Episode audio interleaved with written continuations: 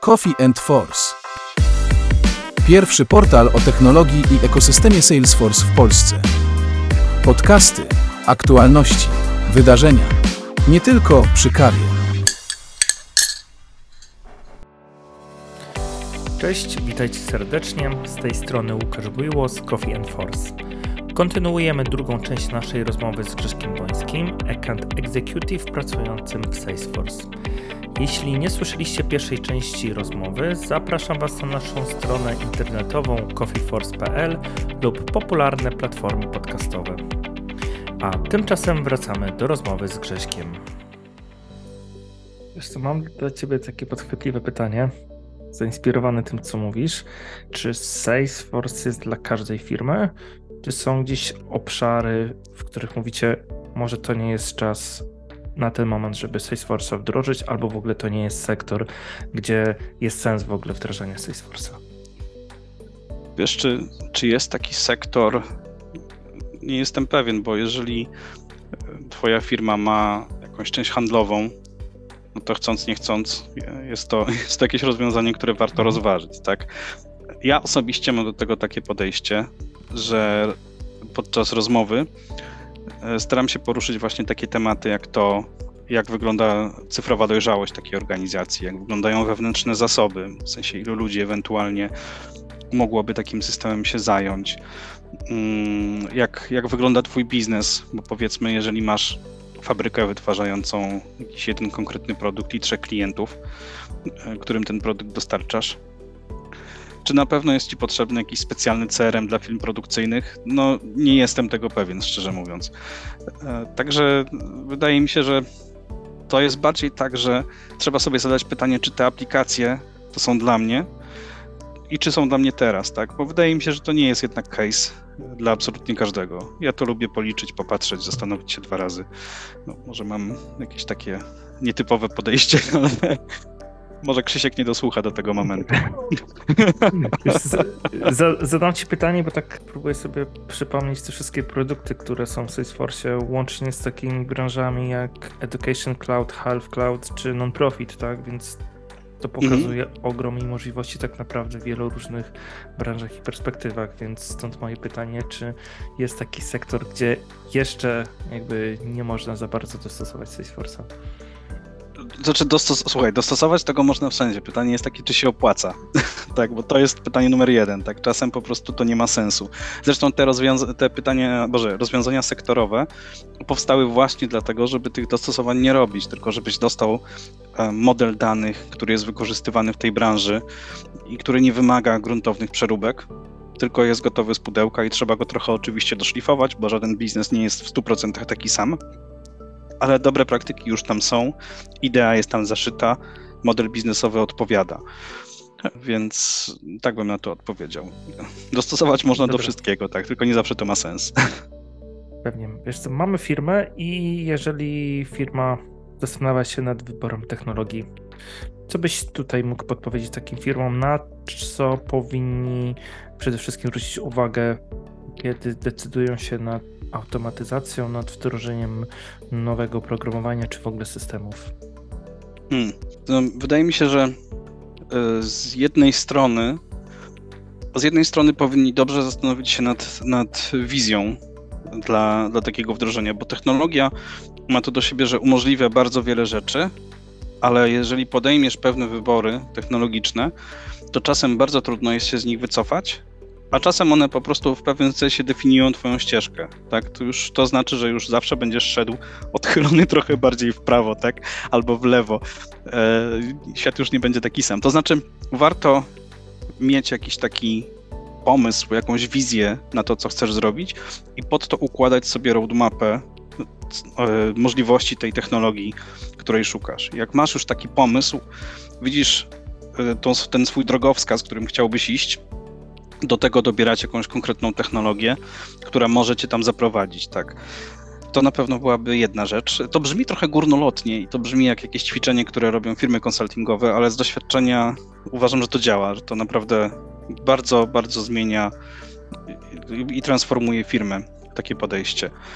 No i takie, wiesz, twarde rzeczy, jak to, czy ta, ta firma technologiczna, którą wybieramy, ma rozwiązanie punktowe, czy chcemy się z nimi wiązać trochę bardziej, a co jak będziemy chcieli z niej wyjść, no bo takie sytuacje też się zdarzają. Mm, Czy nasz dostawca jest elastyczny, e, jeżeli chodzi o na przykład warunki handlowe, czy się dopasuje do nas, do naszego roku finansowego, do naszych wyzwań budżetowych. To jest coś, co na pewno e, na, co ja osobiście zwróciłbym uwagę i polecam zwracać uwagę.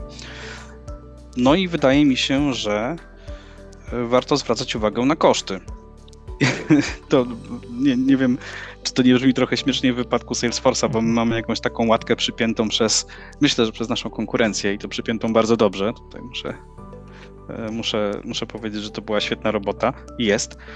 Jako, e, mamy łatkę firmy drogiej, ale No trochę ja tak uważam, jest, to przyznaję się, że jak na początku ktoś mówił Salesforce, to jest drogo i nawet nikt nie próbuje z wami rozmawiać, bo już z góry wskazuje, że to jest bardzo drogie rozwiązanie. Zgadza się, bo my rozwiązujemy drogie problemy. I to jest prawda. Salesforce jest drogi, bo jeżeli coś cię będzie, w sensie, jeżeli podchodzisz z nimi do prostych problemów, z nami do prostych problemów, no to prawdopodobnie ten plan on się nie zepnie na poziomie finansowym.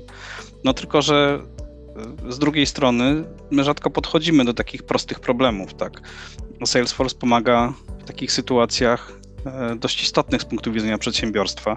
Zresztą my to bardzo często liczymy z klientami, tak po prostu w ramach procesu sprzedaży e, siadamy, dzielimy się cyframi i, i patrzymy, jak to będzie wyglądało w różnych scenariuszach, na przykład negatywnym, średnim i pozytywnym, tak żeby zobaczyć, e, z czym, z jaką wartością faktycznie się będziemy mierzyć. I jakoś zazwyczaj, jak jesteśmy po tym ćwiczeniu, to ten argument jesteście bardzo drodzy, już, już się nie pojawia. Do, do tego momentu zazwyczaj tak, ale po jakoś ta rozmowa wygląda inaczej, więc wydaje mi się, że to zależy od tego, z jakim problemem musisz się mierzyć. Mieliśmy jeszcze porozmawiać o obszarze manufakturingu w Polsce. Jak to wygląda z twojej perspektywy? Ym, Trochę już, trochę już chyba powiedziałem, jak to wygląda z mojej perspektywy gdzieś tam między słowami. My mamy, no cóż, bardzo silny przemysł, tak? Bardzo silne firmy produkcyjne w Polsce. E, Firmy produkcyjne, które właśnie zainwestowały zazwyczaj bardzo duże pieniądze w tą operacyjną część działalności. Mają super maszyny, e, naprawdę topowe oprogramowanie do zarządzania e, tą produkcją. I, I z tej strony jest super. No a teraz właśnie bardzo wiele z nich e, zaczyna się zastanawiać, co zrobić, żeby wygrać od tej strony handlowej. Tak? I to jest to miejsce, kiedy wchodzę ja i zazwyczaj Cały rozmawiam z takimi firmami, tak, całe na biało i roz, zaczynam rozmowę z firmami produkcyjnymi. Tak, no, tak, to, to, to jest aktualnie moja wizja. Znaczy, wiesz, no, to jest bardzo złożony obrazek te firmy produkcyjne, tak? Mamy bardzo dużo firm związanymi z budowlanką, e, które mają teraz generalnie trochę e, trudniejszy moment. Natomiast e, zaskakująco dobrze przez niego przechodzą, przynajmniej tak wyglądają moje obserwacje. Być może to jest jakiś dowód anegdotyczny, ale w sumie to jestem trochę zaskoczony tym, jak te organizacje są odporne i jak były przygotowane, wiesz, na takie tąpnięcie. No ale mamy też w tym samym momencie firmy, które w tej chwili mają zamówienie na przykład na 3 lata do, do przodu, tak, już zakontraktowane i cześć, tak. Odwiedź stronę internetową coffeeforce.pl. Wszystko o ekosystemie Salesforce po polsku. Kontynuujemy sobie dalej naszą rozmowę. Ja tu się przyznam przed naszymi słuchaczami, że ja tutaj Grześka wcześniej nie znałam, ale miałem wrażenie, że go znam od dawna. Jak y, mieliśmy okazję przygotowując się do tego nagrania, do podcastu, Grzesiek, ty też powiedziałeś, że no niby się nie znamy, a się znamy, a to wszystko przez społeczność i przez LinkedIna. Bo tam jesteś jedną z takich najbardziej aktywnych osób e, w tej społeczności, więc dzięki Tobie możemy się dowiedzieć, co się dzieje aktualnie, jeżeli chodzi o ten system Salesforce'owy w Polsce. To było pytanie? To Na razie to jest zdanie. Nad pytaniem jeszcze się zastanawiam, ale taką miałem potrzebę podzielenia się tym wszystkim, więc y, to też jakby pokazuje trochę taką moc naszego ekosystemu Salesforce'owego, że no, często osoby nie znają się mm, bezpośrednio, ale właśnie to wrażenie, tą działalność i szerzenie wiedzy i tego, co się dzieje na tym wallu LinkedInie powoduje, że, mm, że jesteśmy na bieżąco. I skąd jakby twoje tutaj zamiłowanie dzielenia się wiedzą o Salesforce?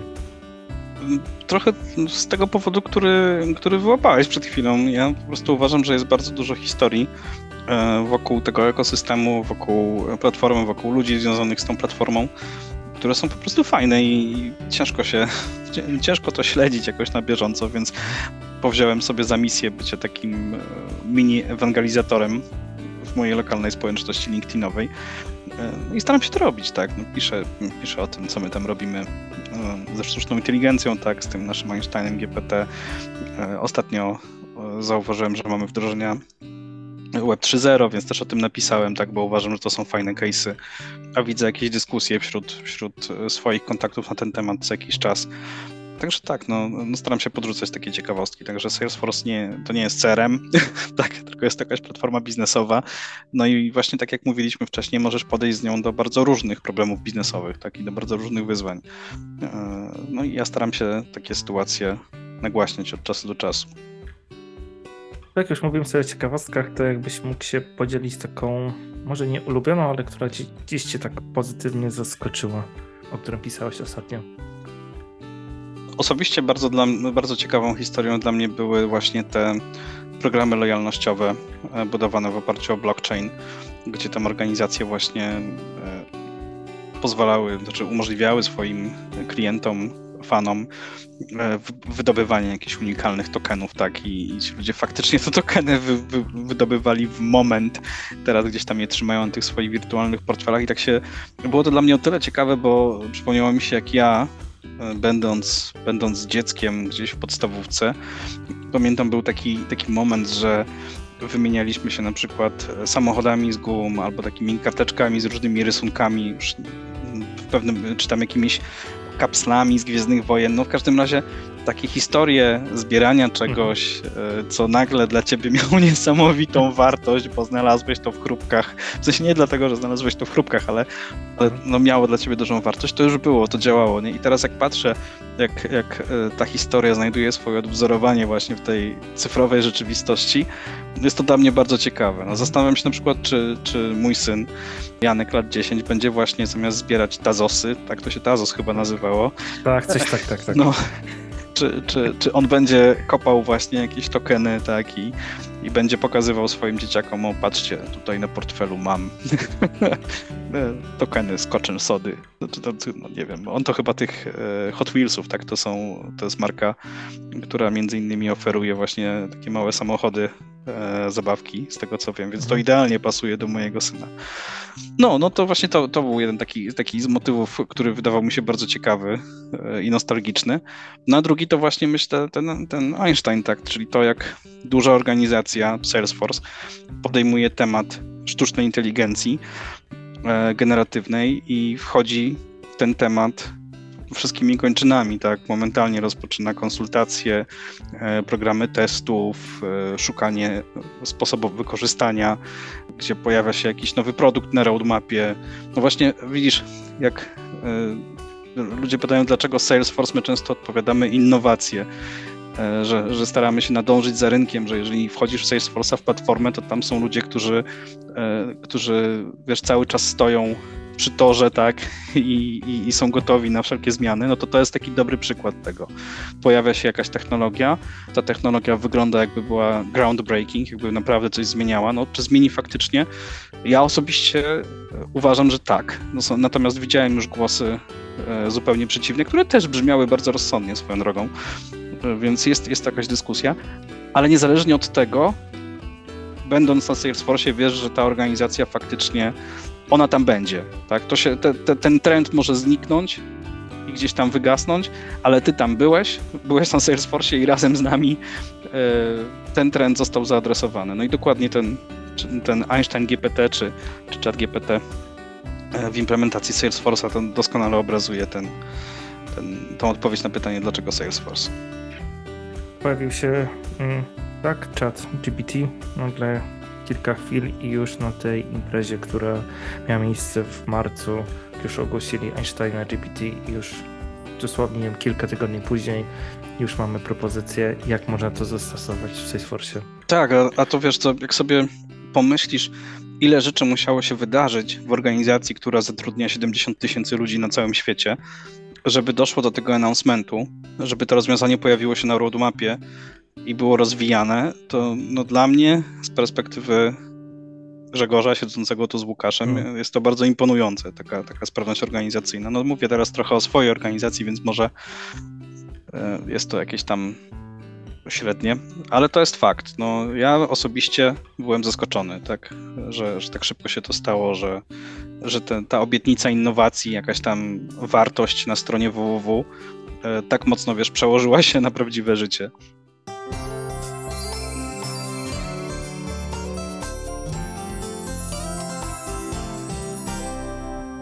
coffeeforce.pl Wiesz co, rozmawialiśmy o LinkedInie i to też podzielę się z, ze słuchaczami. Zadałem ci pytanie, jak mam się do ciebie zwracać? Czy Grzesiek, czy Grek? tak, tak, tak, ten Grek, ten Grek za mną chodzi. Otóż ja y, faktycznie i pracuję i pracowałem z klientami międzynarodowymi, no i dla bardzo wielu osób mówiących w innym języku wymówienie Grzegorz to niekoniecznie jest prosta sprawa, tak? Stąd pojawił się Grek. Natomiast miało to bardzo ciekawy efekt, bo ludzie w Polsce zaczęli się do mnie zwracać Grek. Więc już teraz ja już na to nie reaguję, już przyjmuję to po prostu jak jest. Natomiast no jestem Grzesiek, tak? No, na LinkedInie Grek faktycznie dla ułatwienia sobie życia i innym życia, ale, ale generalnie Grzesiek. Tą kwestię już mamy Tak, jest jasne.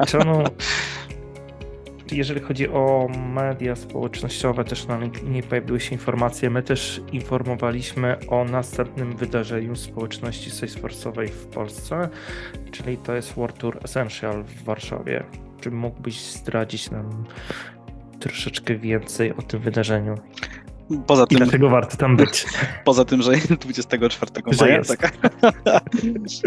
To jest tak, że generalnie formuła pozostaje bardzo Salesforce'owa, to znaczy stawiamy na interakcję. Na scenie będą krótkie, konkretne wystąpienia, zazwyczaj z klientami, którzy doskonale wiedzą o czym mówią, bo, bo sami wdrożyli rozwiązanie, o którym jest mowa. Na pewno będą pokazy hands-on, czyli będzie można zobaczyć, jak ten system faktycznie działa, i to jest też coś, co zawsze pojawia się na tych wystąpieniach. Na pewno będzie mało miejsc, bo w zeszłym roku się skończyły i w tym roku też uważam, że się skończą wcześniej. Także zachęcam do zapisów. Co ja jeszcze mogę zdradzić na ten moment, że będzie 25 paneli e, różnych technologicznych z różnych obszarów. Tak, nie będzie to tylko e, sama sprzedaż, ale będzie też e, obsługa klienta, będzie call center, będzie serwis, będzie sprzedaż e-commerce'owa, w tym e-commerce B2B, e, który często jakoś ginie w tych historiach, a super się teraz rozwija, między innymi w Polsce. Będą platformy low-codowe, będzie Slack, który jest O. dla mnie absolutnie genialny.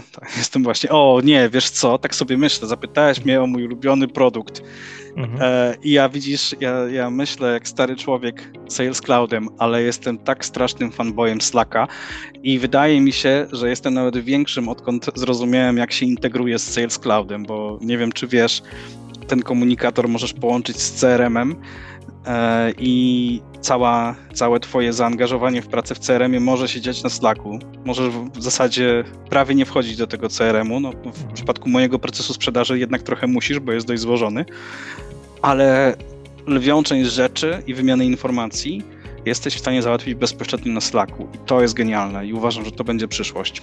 Ale no ale że nie mamy czasu już rozwijać się w tym wątku, to tylko powiem, że tak, Slack będzie i warto zwrócić na niego uwagę. Zdecydowanie warto zwrócić na niego uwagę, bo uważam, że jest ekstra. Mm, Także no to będzie, będzie fajne wydarzenie z punktu widzenia ilości kontentu. No i wydaje mi się, że tak- ja gdybym, miał, gdybym się zastanawiał, to zapytałbym o to, o to, jak wyglądają ludzie, znaczy kto tam faktycznie będzie i będzie mnóstwo ludzi, którzy siedzą nogami, rękami w transformacji cyfrowej z doświadczeniem e, na, na żywym organizmie, tak, z gotowymi wdrożeniami, przykładami, a cały event jest skonstruowany tak, żeby wspierać możliwość networkingu, żeby wspierać możliwość wymiany doświadczeń. Tak, jak już te panele i, i te produkty, i te historie są ludzie, których to już tak bardzo nie interesuje, to ja uważam, że dla nich i, w zasadzie nie, to jest chyba najmocniejszy selling point tego całego eventu. To są ludzie, którzy tam będą i możliwość tego, żeby, żeby z nimi porozmawiać w fajnej atmosferze, w miejscu przygotowanym do tego, e, gotowym na networking. Więc to jest to, co mogę powiedzieć. Więc dla przypomnienia 24 maja w Warszawie w PG Narodowym wydarzenie Tour Essential Warsaw 2023 jeżeli chodzi o zapisy i linki, to zarówno na naszej stronie, jak i na profilu linkinowym Grześka, gdzie nie tylko te linki, ale inne ciekawe informacje też możecie e, znaleźć. Ja zapraszam. Jeszcze, tak? jeszcze, tylko dodam, że w razie co to ja, e, ja odbieram wiadomości na LinkedInie. Nie wiem, czy to jest normalne dla wszystkich, ale można do mnie napisać i ja odpowiem. E, można też do mnie na przykład wysłać invite na Slacku i, i zostać w kontakcie mhm. Takim bezpośrednim. My to często robimy z klientami, jest to jakieś, jakaś tam część naszych dobrych praktyk, ale nie widzę problemu, żeby, żeby pozostać z kimś w takim kontakcie właśnie Slack to Slack. Też inna forma kontaktu, nie tylko LinkedIn. Tak jest. Odwiedź stronę internetową coffeeforce.pl. Wszystko o ekosystemie Salesforce po polsku.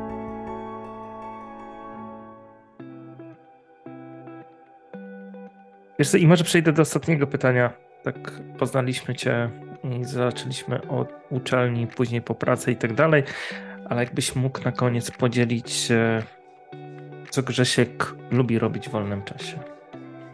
Poza już tym Salesforce'em, sprzedażą, wolnym? Slackiem. Wiesz co, y, ja w wolnym czasie uwielbiam spędzać czas ze swoją rodziną, z moim synem.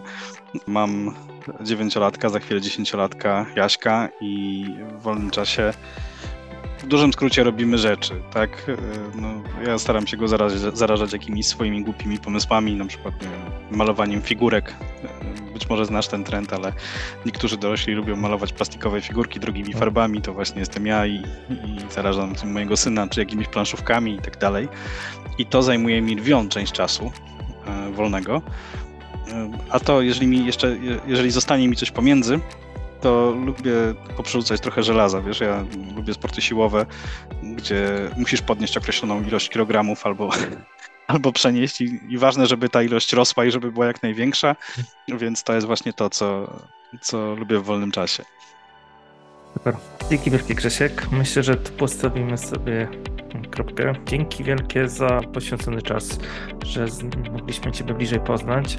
E, opowiedziałeś nam, na czym polega rola executive managera, tak dobrze powiedziałem? Account executive. E, account, przepraszam, account executive. W wolnym tłumaczeniu zarządzających kontami. Dokładnie, chociaż ta nazwa dalej może być tajemnicze dla, dla niektórych. Dzięki za um, pokazanie, jak, jak ekosystem Salesforce'owy wygląda. Powiedziałeś, nie tylko Salesforce jest e, systemem CRM-owym, ale zdecydowanie czymś większym i zdecydowanie czymś bardziej innowacyjnym. Więc e, jeszcze raz dziękuję za mm, poświęcony czas. E, też zachęcam bardzo wszystkich naszych słuchaczy, aby odwiedzać polubić profil Grześka, bo naprawdę publikuje wiele ciekawych, fajnych e, rzeczy na temat Salesforce'a i nie tylko na swoim profilu LinkedInowym. Więc jeszcze raz dzięki i do usłyszenia. Bardzo dziękuję. Trzymaj się Łukasz, trzymajcie się wszyscy. Cześć. Coffee and Force. Pierwszy portal o technologii i ekosystemie Salesforce w Polsce. Podcasty, aktualności, wydarzenia. Nie tylko przy kawie. Coffeeforce.pl